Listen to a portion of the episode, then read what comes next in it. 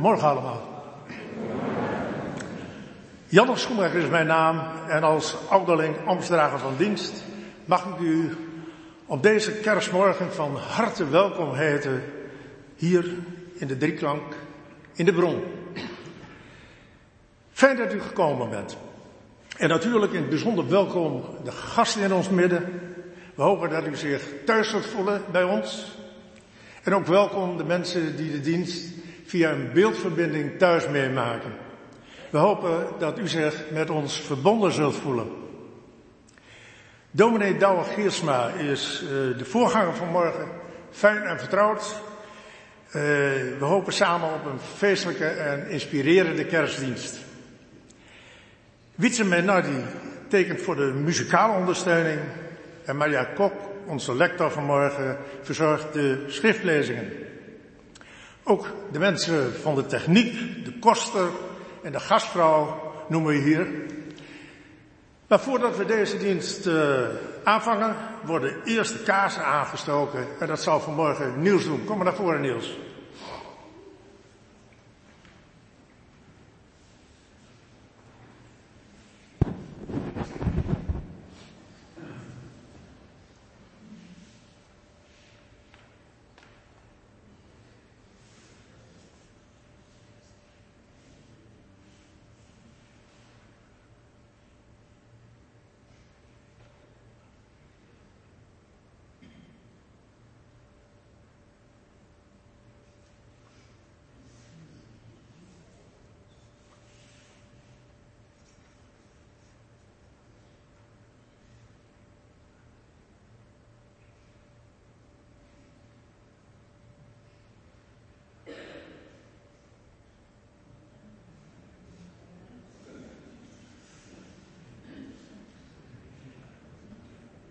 Dat waren er een heleboel, maar dat is prima gelukt.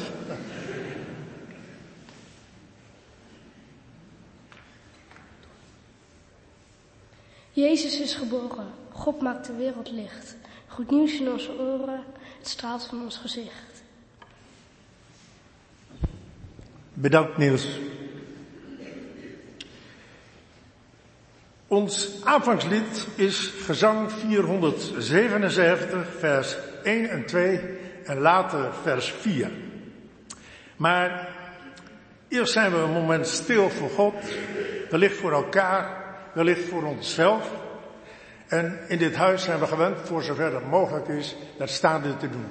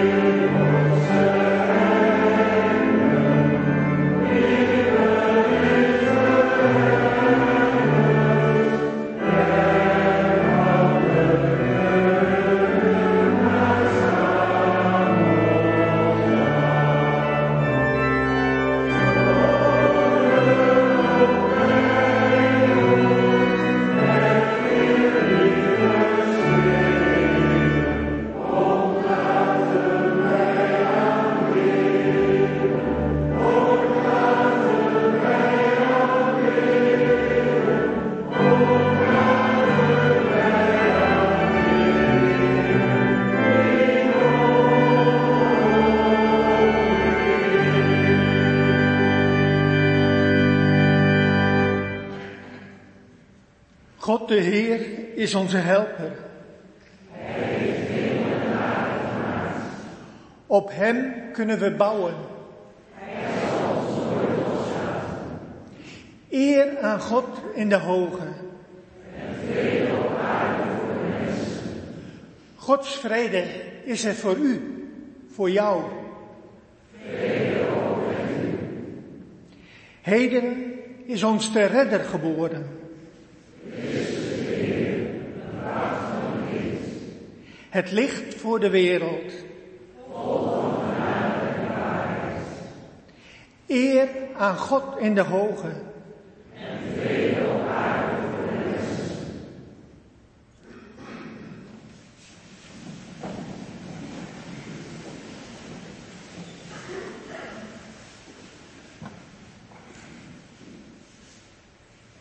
Lieve God, in het donker zoeken wij naar uw licht.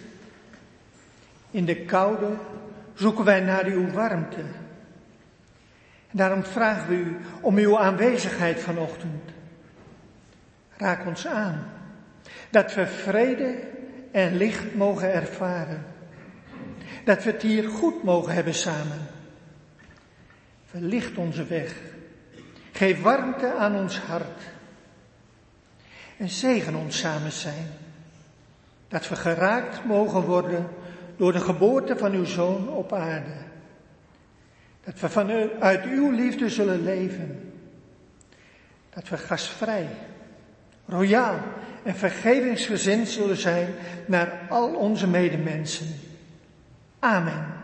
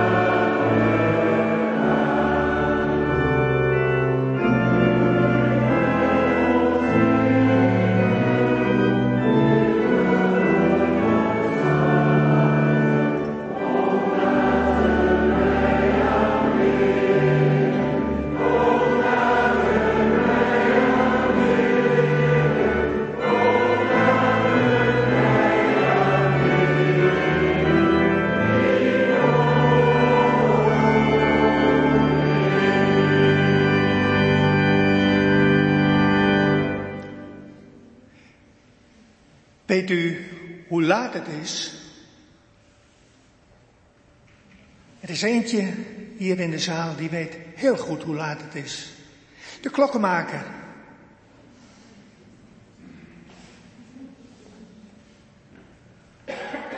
Hij moet zich nog even omkleden. Even mijn toga aandoen om mijn waardigheid eh, vast te stellen.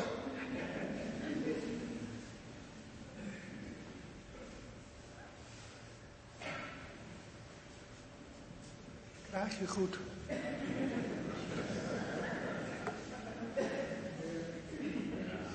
Ja, beste mensen, mijn naam is Willem van der Helm.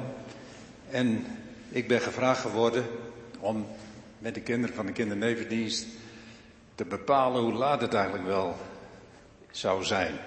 En daar hebben we een mooie klok voor gemaakt, deze.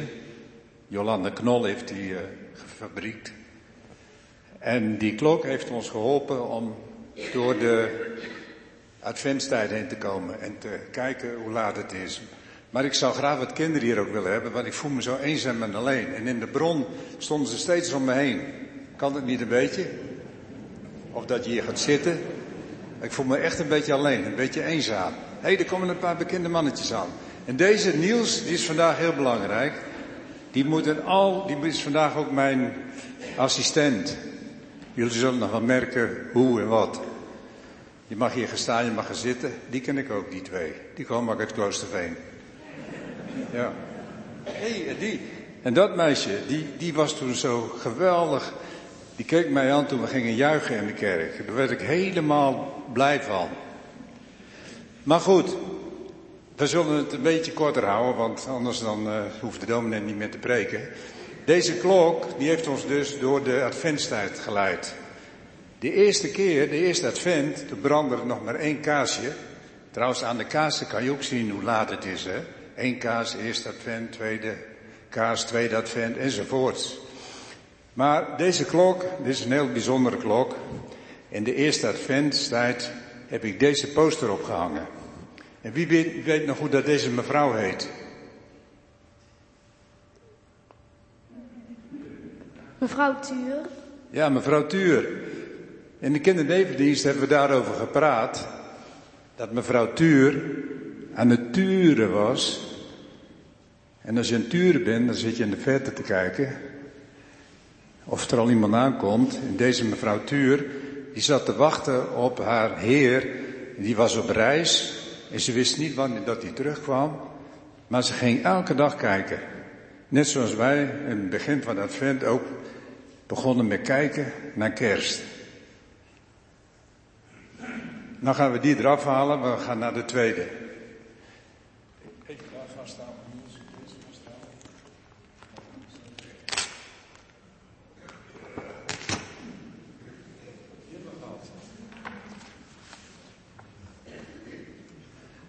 Toen kwamen we bij de tweede advent. En dat was een man met een knuppel, zei iemand toen in de ontmoeting.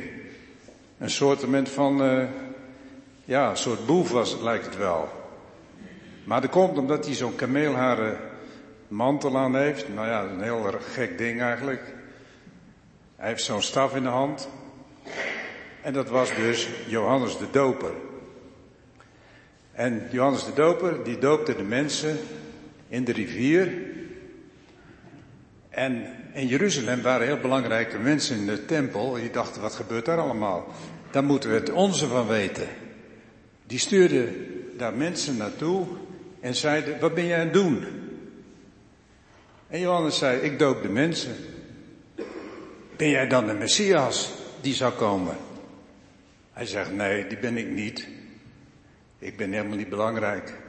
Die na mij komt, die is veel belangrijker. Ik doop alleen maar met een beetje water. Maar die na mij komt, die doet het met de Heilige Geest. Kijk, zie je, daarboven, daar linksboven staan die mannetjes te kijken. Die komen uit Jeruzalem. Toen gingen we naar de derde advent. En toen heb ik het meest genoten.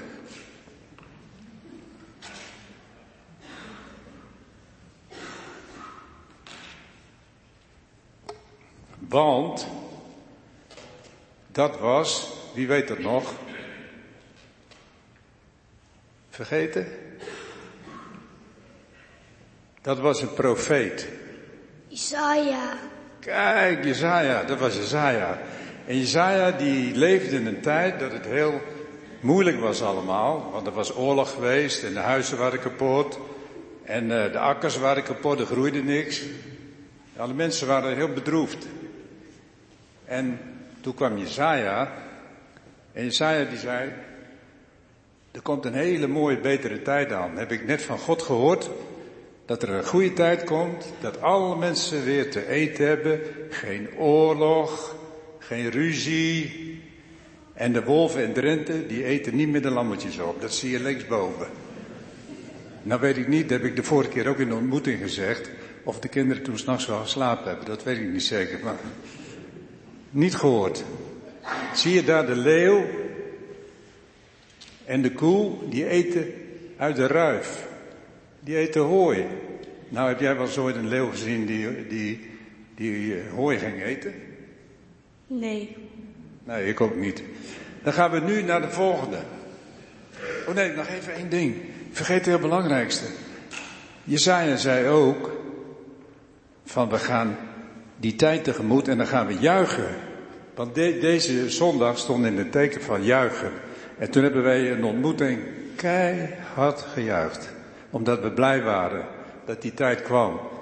En nu heeft Niels gevraagd aan mij, zullen we het hier ook doen? En we gingen juichen van helemaal van onderuit. Zo van, yes!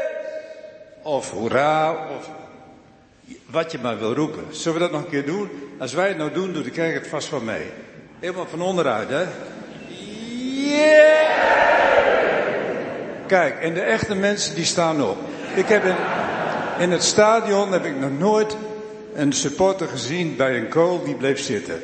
Dus we doen het nog één keer. Ja! Kijk, 99% hebben we nu. Trouwens, in ontmoeting had ik de kosten gevraagd. Heb je een decibelmeter op je telefoon? Ja, zei hij.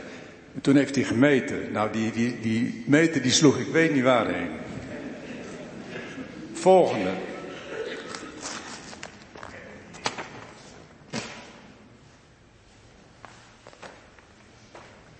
Toen kwamen we bij de vierde advent. En daar zien wij de engel. En de kinderen hebben toen in de kindernevendienst allemaal engelen gemaakt. Oh nee, dat was niet kindernevendienst. We hadden zelfs geen dominee. Dat was een leuke dienst, hè, zonder dominee. Ja. Ja, niet, niet zo saai, hè?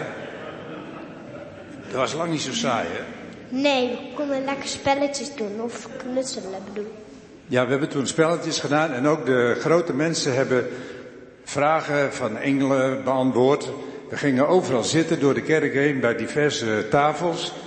En daar was van alles te doen. Je kon een driedimensionale engel maken. Je kon vragen over engelen beantwoorden. Je, met elkaar heb je wel eens een engel gezien. Nou, dat was hartstikke leuk. Daarom hebben de kinderen allemaal engelen gemaakt. Trouwens, andere keren hebben ze ook uh, sterren gemaakt. Waar zie je die sterren? Hier. Die sterren hebben ze ook gemaakt. En ze hebben, wat was het ook alweer nieuws? Koekoeks. Ja, ik had een keer een koekoeksklok bij me in de kerk. En toen hebben ze daar ook, uh, zeg maar, uh, ja, koekoeken gemaakt. En zelfs een huisje erbij. Maar over klokken gesproken. Over klokken gesproken, daar hebben wij. Ik had die klokken had ik bij me in de kerk. En hier kan ik ze niet allemaal meenemen. Vandaag is een hele drukke dag. Daarom heb ik ook nog een videootje gemaakt over klokken. En ik weet niet of, of ik nu een beetje verkeerd bezig ben in de volgorde. Kan het wel, Jan? Of ga ik even hiermee door? Nou, als je het wilt, Jan, weer dan het filmpje draaien, dan hebben we nog even over de tijd. Want de tijd wordt eerst natuurlijk bepaald door de klokken. En dan gaan we daarna hiermee verder. Ja, gaan we even naar het klokkenfilmpje kijken.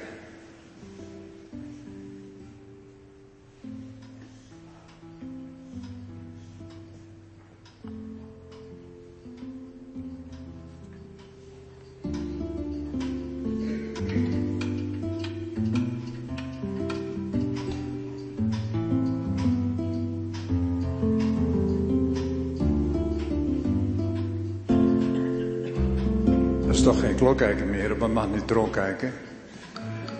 Dan kijk ik liever naar een echte klok, zoals deze.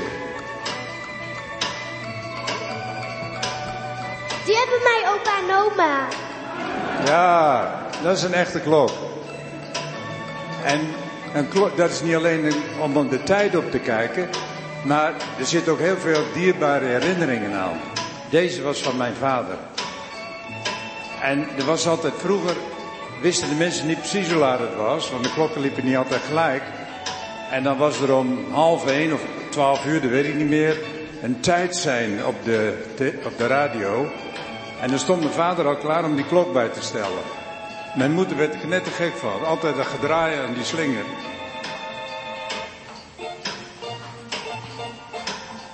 Zie die engelen die blazen de bezuin. Die heb ik ook bij me, bezuin.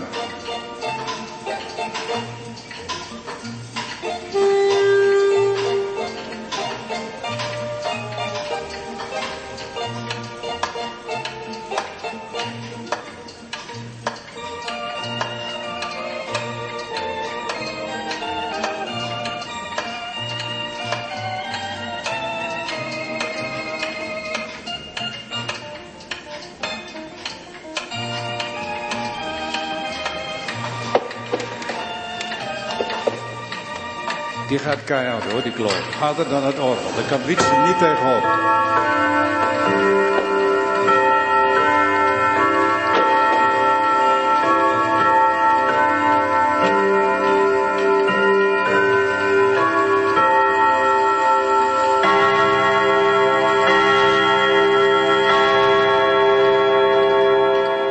Die klok hangt niet aan de, aan de kant van de buren. Deze klok had ik bij me in de ontmoeting om even te laten zien wat er nog meer in mijn klok zit.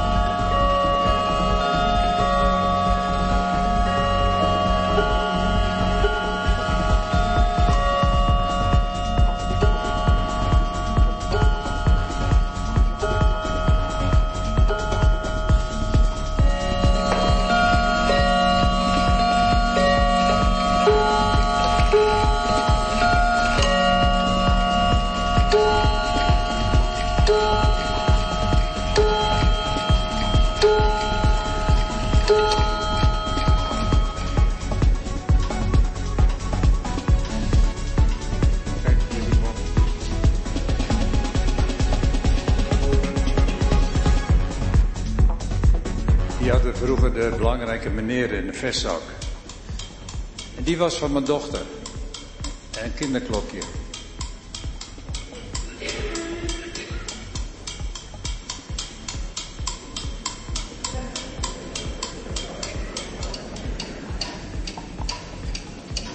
Ik liep altijd met de telefoon naar die koekoeksklok, want de kinderen namens voor die belden. Opa, koekoekoren, opa, koekoekoren.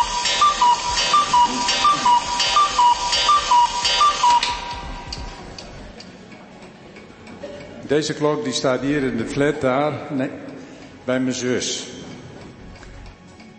En dat is onze belangrijkste klok.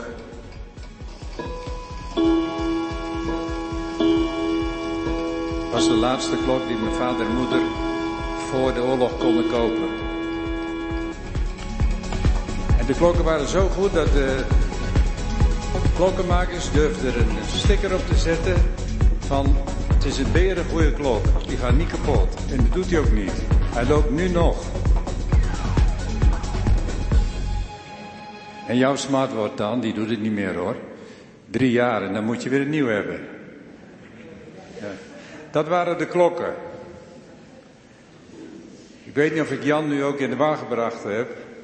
Maar we gaan nu, deze engel, dat is Maria in de engelen. Dat was dus gisteravond. Van het gaat nu heel gauw beginnen. En nu gaan we de laatste eraf trekken. Wat staat daarop? Hoi. Hoi, hè? En? Een baby. Een baby. En wie weet wie die baby is? Jezus. Dat is Jezus, die is geboren en dat vieren wij vandaag.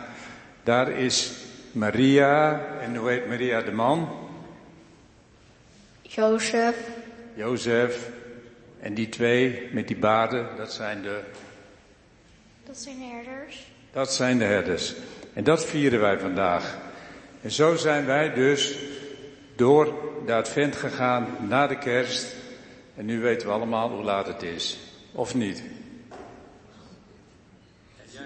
Jij zei, zullen we nog een keer juichen, maar dat doen we maar niet, hè? Twee keer is genoeg.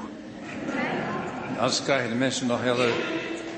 Je niet gelijk met uh, herders, want ik zie toch drie. Oh, waren drie herders? Oh, heb ik, niet, heb ik niet goed gekeken. En ik heb nog wel een bril op. Nou, ik vond het leuk dat jullie hier allemaal bij me waren. En nu doe ik mijn toga uit en dan mag de dominee het verder doen.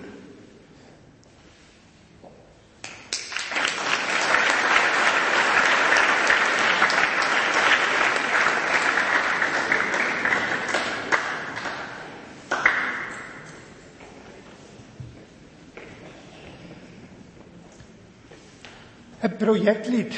Alle dagen, alle nachten.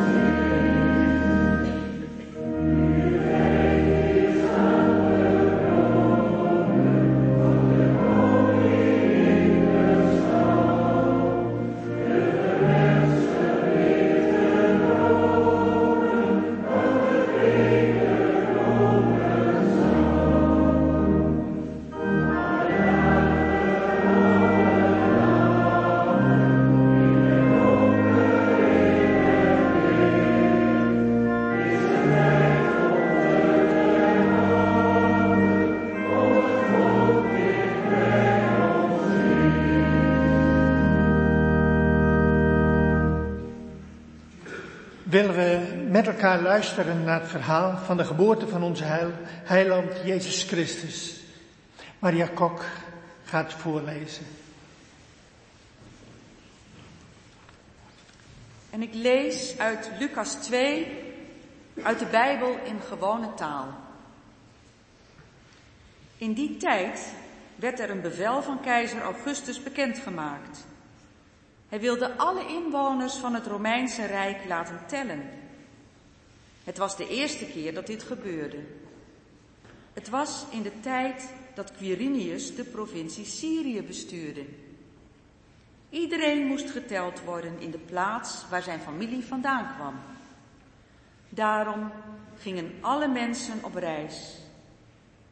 Ook Jozef moest op reis. Hij ging van Nazareth in Galilea naar Bethlehem in Judea. Want hij kwam uit de familie van David en David kwam uit Bethlehem. Jozef ging samen met Maria naar Bethlehem. Maria zou met Jozef gaan trouwen. En ze was zwanger. Toen Jozef en Maria in Bethlehem waren, werd het kind geboren. Het was Maria's eerste kind, een jongen. Maria wikkelde hem in een doek en legde hem in een voerbak voor de dieren, want er was voor hen nergens plaats om te slapen.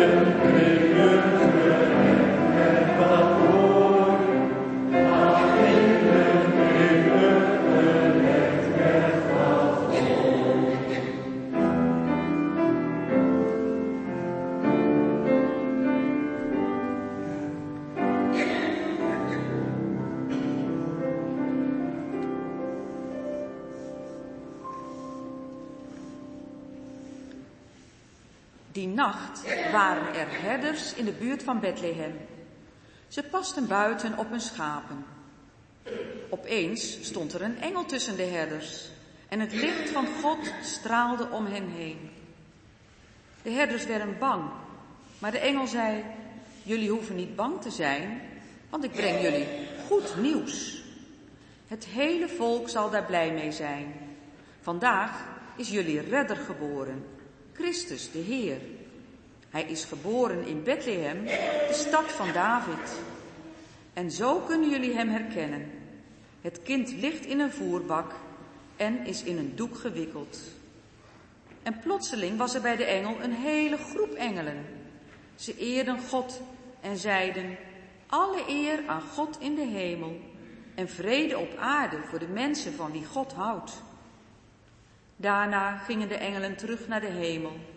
De herders zeiden tegen elkaar, kom, we gaan naar Bethlehem, want God heeft ons verteld wat er gebeurd is. Laten we gaan kijken. Ze gingen meteen naar Bethlehem. Daar vonden ze Maria en Jozef en in een voerbak lag het kind. Toen de herders het kind zagen, vertelden ze wat de engel over hem gezegd had. Iedereen die het hoorde was verbaasd over het verhaal van de herders. Maria probeerde te begrijpen wat het betekende. Ze bleef nadenken over wat de herders gezegd hadden. De herders gingen terug naar hun schapen. Ze eerden God en dankten Hem voor alles wat ze gezien en gehoord hadden. Want alles was precies zoals de engel gezegd had.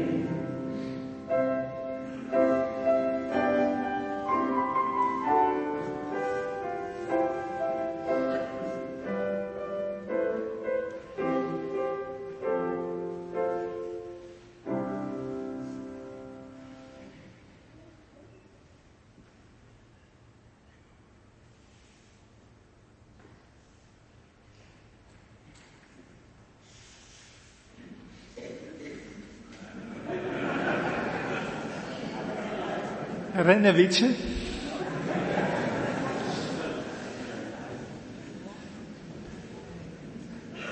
Jullie maken je zorgen natuurlijk. Straks nog een hele lange preek, maar de preek die komt er niet.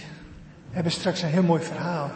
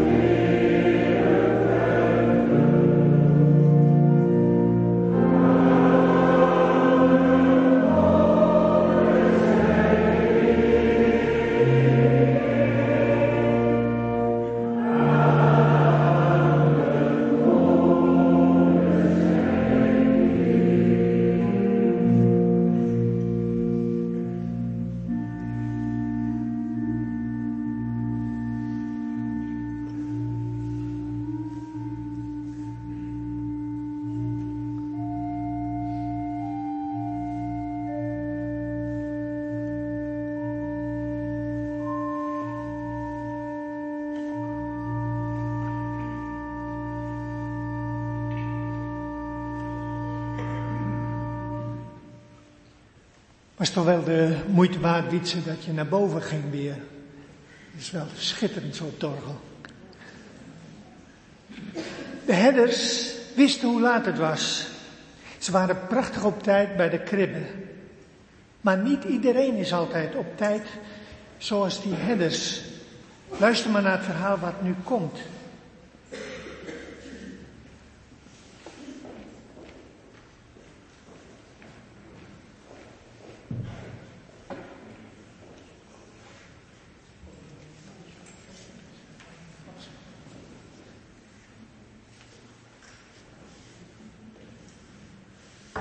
Is het verhaal van de vierde koning, een oude legende, opnieuw verteld. Jongens en meisjes, er is geen kindernevendienst, maar wel lekker veel plaatjes, dus ga er lekker voor zitten, zou ik zeggen. In een mooi land woonde eens een jonge, wijze koning. Zijn naam was Artaban en hij had veel vrienden. Artaban was rijk en slim, maar hij hield meer van wetenschap dan van koning zijn. Hij vond de geheimen van de natuur veel spannender.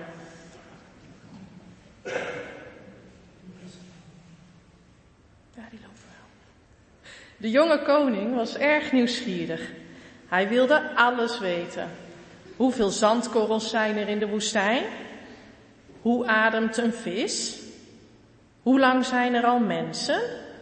Artaban had zoveel vragen en daardoor had hij eigenlijk weinig tijd om koning te zijn. Vaak schreef Achterban brieven naar andere koningen.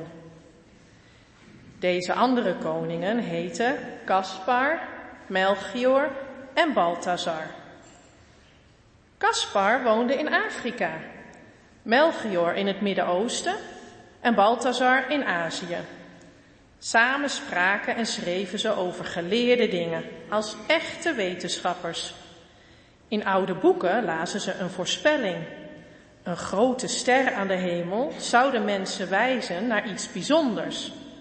En die ene speciale ster was er nu. Dag en nacht stond hij stil aan de hemel. Ze overlegden met elkaar. Zouden ze hem gaan volgen? Ja, dat zouden ze doen, nieuwsgierig naar waar de ster hen brengen zou.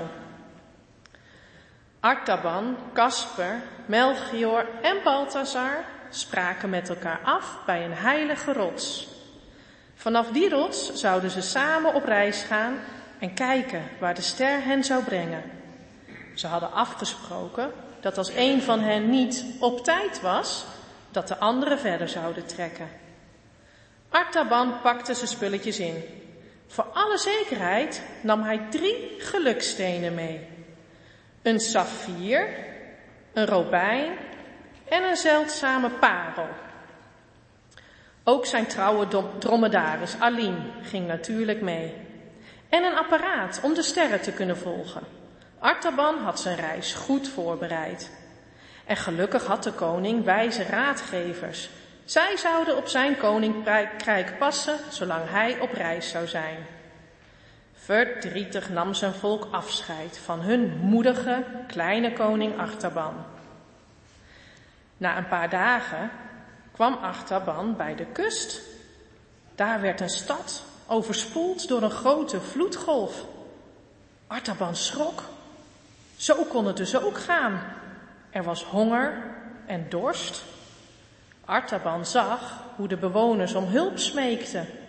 Hij schonk hen zijn eerste steen. Die steen was heel kostbaar. Met dat geld dat die steen opbracht, konden ze alles weer opnieuw opbouwen. Ondertussen waren zijn vrienden, Casper, Melchior en Balthazar, na een verre reis bij die heilige rots aangekomen waar ze hadden afgesproken. Ze wachten lang op Artaban, maar niemand kwam. Dan maar met z'n drietjes verder, zoals ze hadden afgesproken. Ze moesten immers ook weer op tijd terug zijn bij hun eigen volken.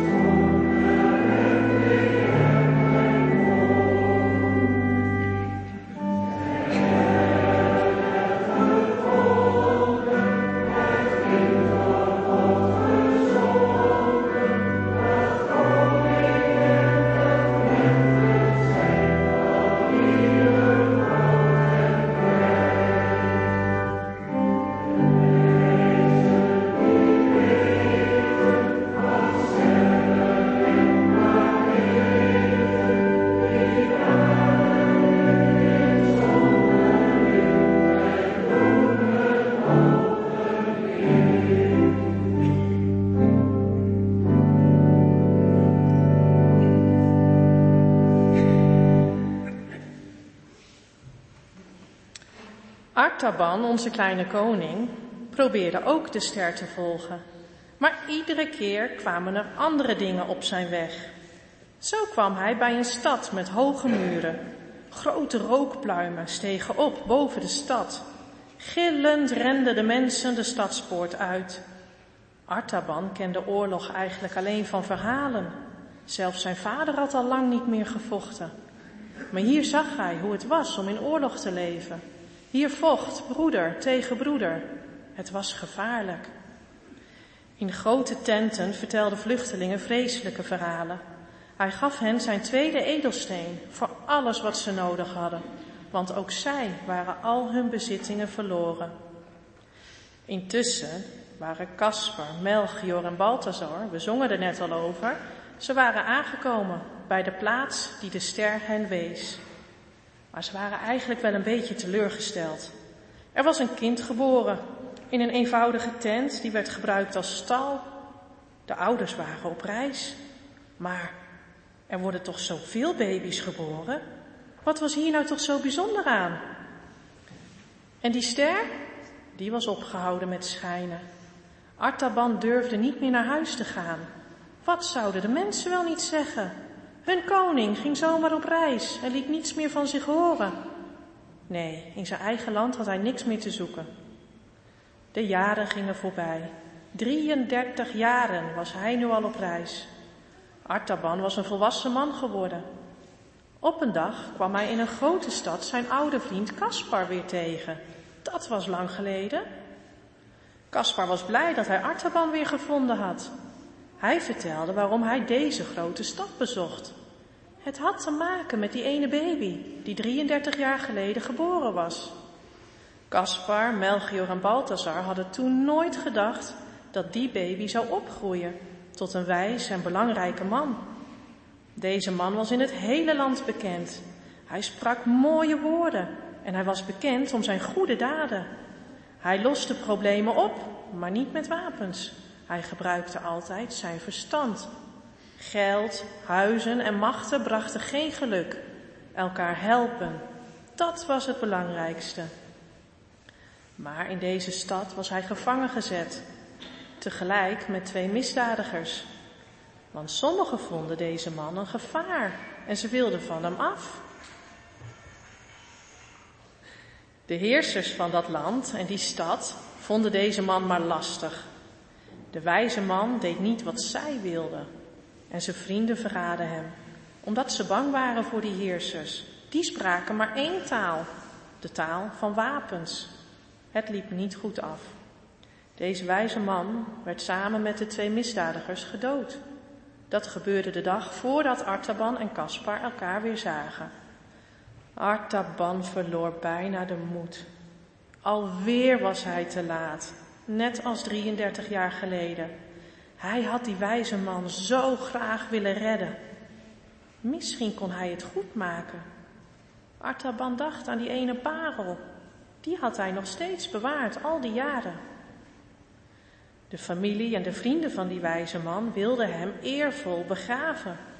Maar dat was erg duur en ze waren erg arm. Maar met het geld van de parel kocht Artaban een mooi graf. De wijze man werd begraven als een vorst, een vorst met echte vrienden. Een paar dagen later ging Artaban naar dat graf, maar wat was dat? Het graf was open. Twee figuren zaten op de rotsen naast het graf. De wijze man was weer opgestaan. Hij praatte met een engel.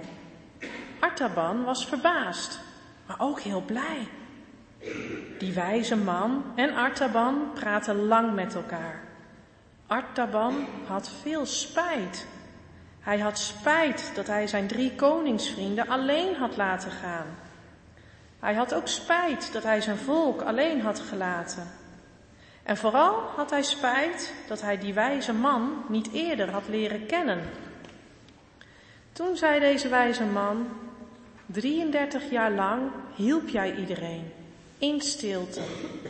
Ik probeerde dat de mensen te leren, maar ze snapten het niet. Jij wel. Ga maar naar je eigen volk terug. Het is nooit te laat. Samen met de engel verdween de wijze man voorgoed. En Artaban? Hij had eindelijk weer moed gevonden voor de reis naar huis. En de koning was zo blij om weer thuis te komen. En hij had zich vergist. Hij werd blij verrast. Zijn volk had de stadsmuren versierd met beelden van Artaban. Zo erg misten ze hem na al die tijd nog steeds. En nu was Artaban, hun koning, teruggekomen. En nu zou het leven weer net zo mooi worden als vroeger. Wat was Artaban een gelukskind met zo'n fijn koninkrijk. Hij besefte nu pas hoe zeldzaam dat was.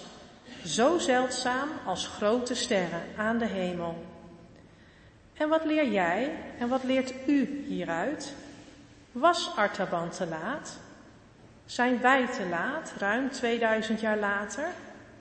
Is het ooit te laat om elkaar te helpen? In stilte? Daar waar u en jij je steentje bij kan dragen, net als Artaban? Nee, daar is het nooit te laat voor. Laten we met elkaar een ander helpen en met elkaar ons eigen parelsteentje bijdragen. Fijne kerst gewenst.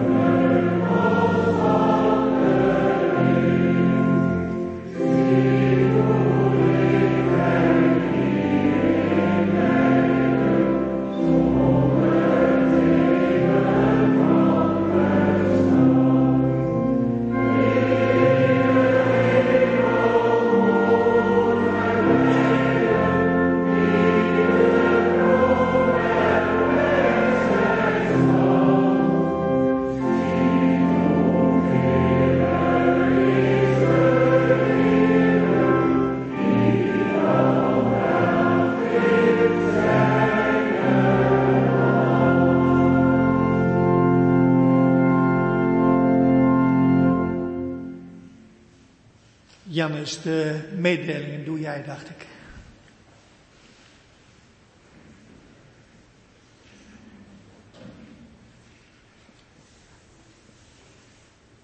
De diaconie van onze wijkgemeente uh, deelt u mee dat alle 80 plus gemeenteleden van de protestantse kerk Assen het kerstboekje met gedichten van Huub Oosterhuis en teksten van Helene van Noord hebben ontvangen. Er zijn nog een aantal exemplaren beschikbaar en die liggen op een tafel in de ontmoetingsruimte. Wie belangstelling heeft, kan er een meenemen tegen de kostprijs van 3 euro. Er staat een doos waarin u uw bijdrage kunt deponeren. Nou heeft u nou geen geld bij u, gewoon wel een meenemen. Dan vindt u vast wel een weg waarop u uw bijdrage kan voldoen. Nou, de bloemen. De bloemen vanuit de bron gaan vanmorgen naar Ate Hamstra ter bemoediging. Wij bidden voor hem en wensen dat hij Gods liefdevolle aanwezigheid mag ervaren. De bloemen van de ontmoeting gaan naar pastor Pier Prins en zijn vrouw als waardering voor het werk verricht in onze wijkgemeente. Tot slot de collecten. Allereerst collecte 1. Bestemming diaconie. Met als thema kinderen in de knel. Kinderen in Oekraïne in de knel. Door het aanhoudende oorlogsgeweld. Jan Moesker schreef er een goed artikel over namens de stedelijke ZWO in het kerkblad van 21 december. Leest u het nog maar eens na. Hij geeft ook aan dat u via het genoemde rekeningnummer ten name van Kerk in Actie ook kunt doneren. Collecte 2 is bestemd voor pastoraat en eredienst. En collecte 3 bij de uitgang is bestemd voor onderhoudsgebouwen. En hoe u verder nog kunt bijdragen aan de kerk, weet u volgens mij inmiddels wel. Tot slot, u en jij zijn straks na afloop van deze dienst van harte uitgenodigd om een kopje koffie of thee te drinken en elkaar te ontmoeten in de ontmoetingsruimte. Dan gaan we nu collecteren.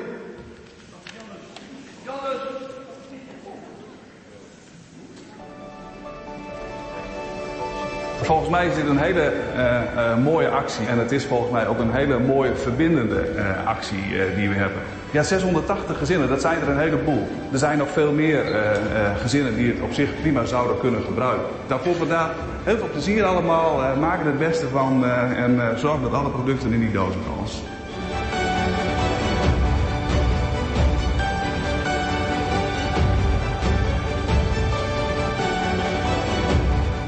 Cadeau.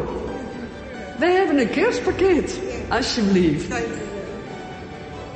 Wij bieden nu uh, met alle liefde een kerstpakket aan. Hij zit bomvol met allemaal lekkere dingetjes. Nou, super. En uh, wij wensen u ontzettend fijne feestdagen. Ja. Ja? Bedankt.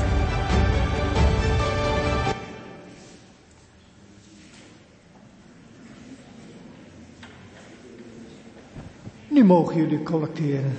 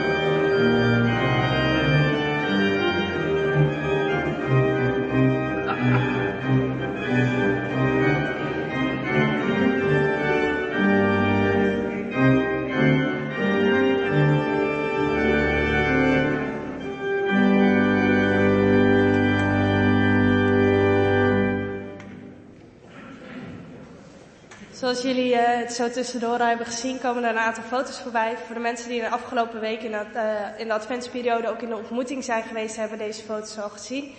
Dit heeft ook te maken met het kinderneveningsproject. Vanwege het thema hoe laat is het en dat we bezig zijn met tijd, hebben we verschillende gemeenteleden gevraagd om door de week op een gewone dinsdagmiddag om 4 uur een foto te maken van wat je dan aan het doen bent. En daarvan is dit de verzameling geworden van de afgelopen weken.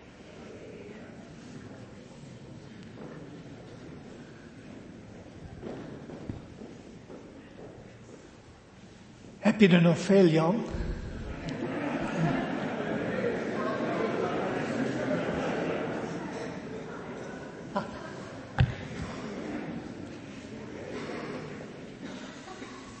We gaan met elkaar danken en bidden. Tussen de gebeden door bidden, bidden we samen, kom en word opnieuw geboren, ster waarop de wereld wacht. Dat kunnen we zingen en Wietse gaat een keer voorspelen. Dat gaan we eens een keer samen zingen. En dan tussen de gebeden door zeg ik, breek het donker, breek de nacht. En dan kunnen we het weer zingen.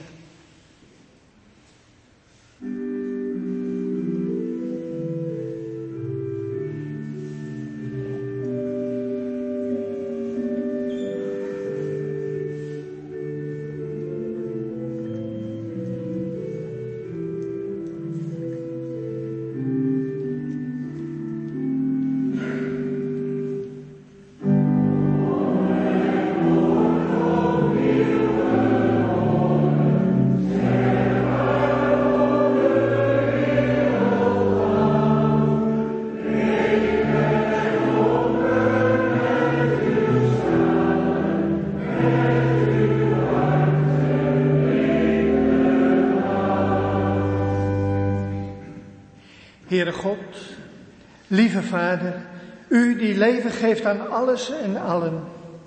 Wij danken U voor deze onze gaven. wij vragen U zegen ze, zodat ze ruimhartig gebruikt kunnen worden tot opbouw van uw rijk van vrede en gerechtigheid. En Heer, we willen U bidden voor mensen zwervend langs de wegen, verstoken van licht zonder toekomst in het zicht.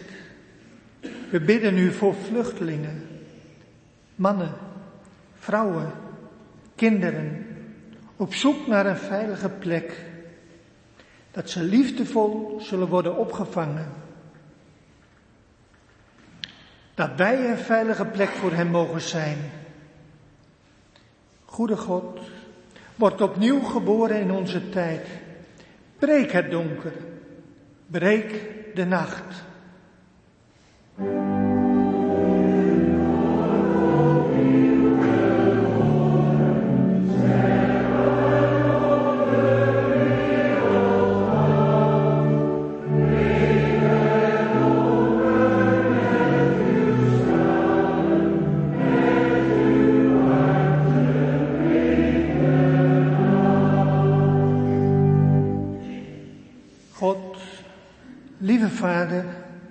wij willen u bidden voor kinderen, vrouwen en mannen die leven op de rand van wat menselijk is. Die leven in dictaturen. Die leven in oorlogsgebieden, in rampgebieden. Dat de regeringsleiders creatieve oplossingen zullen vinden voor een vrede, voor harmonieus samenleven. Dat ze afstand doen van macht. Dat ze zullen gaan voor vrede en warmte.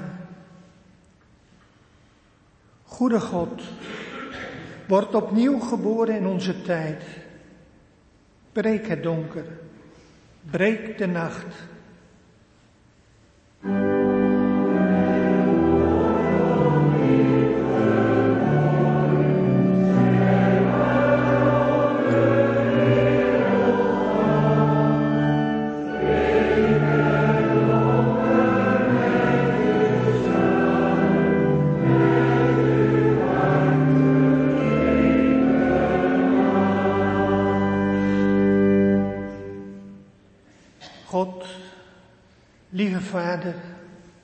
We bidden nu voor onze zieken. Sommigen ongeneeslijk ziek. Bidden u voor mensen in de rouw. Voor mensen die verlangen naar warmte, naar liefde en samen zijn. Dat in ons allen de vrede van kerstmis ontvlamt. Dat we ons laten aanvuren door het kindje in de kribbe. Zodat we net als dat kindje vrede, vreugde en licht zullen uitstralen voor onze medemensen. Goede God, wordt opnieuw geboren in onze tijd. Breek het donker, breek de nacht.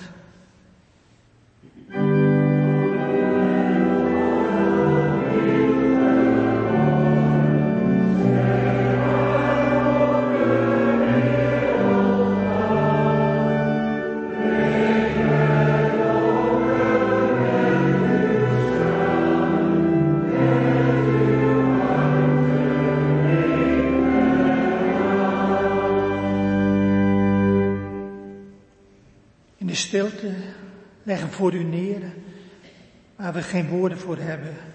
Wat er in ons hart leeft, dat u het hoort.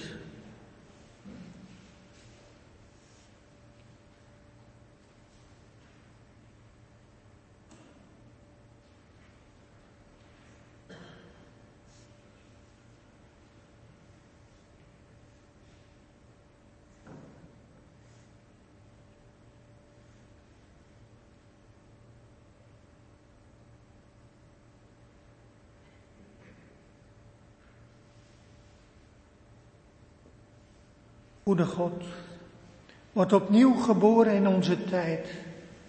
Breek het donker, breek de nacht.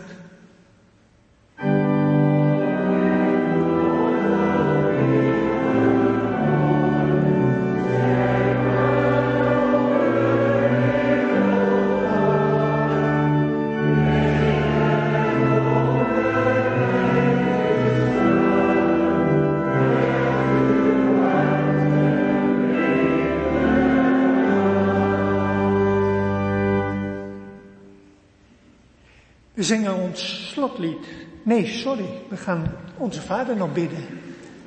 We bidden samen met onze Vader. Onze Vader, die in de hemel zijt, uw naam wordt geheiligd, uw koninkrijk komen, uw wil geschieden, gelijk in de hemel als ook op aarde. Geef ons heden ons dagelijks brood en vergeef ons onze schulden Gij ook wij vergeven onze schuldenaren.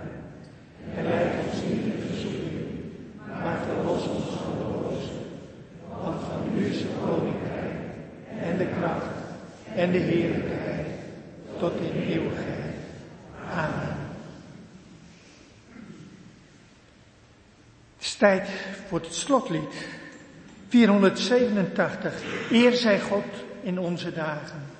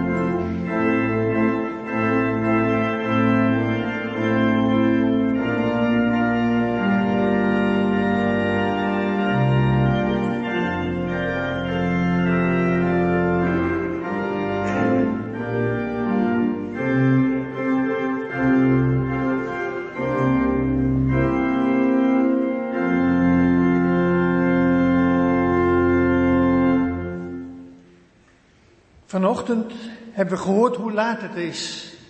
Het is de tijd dat God geboren is op aarde. Feest.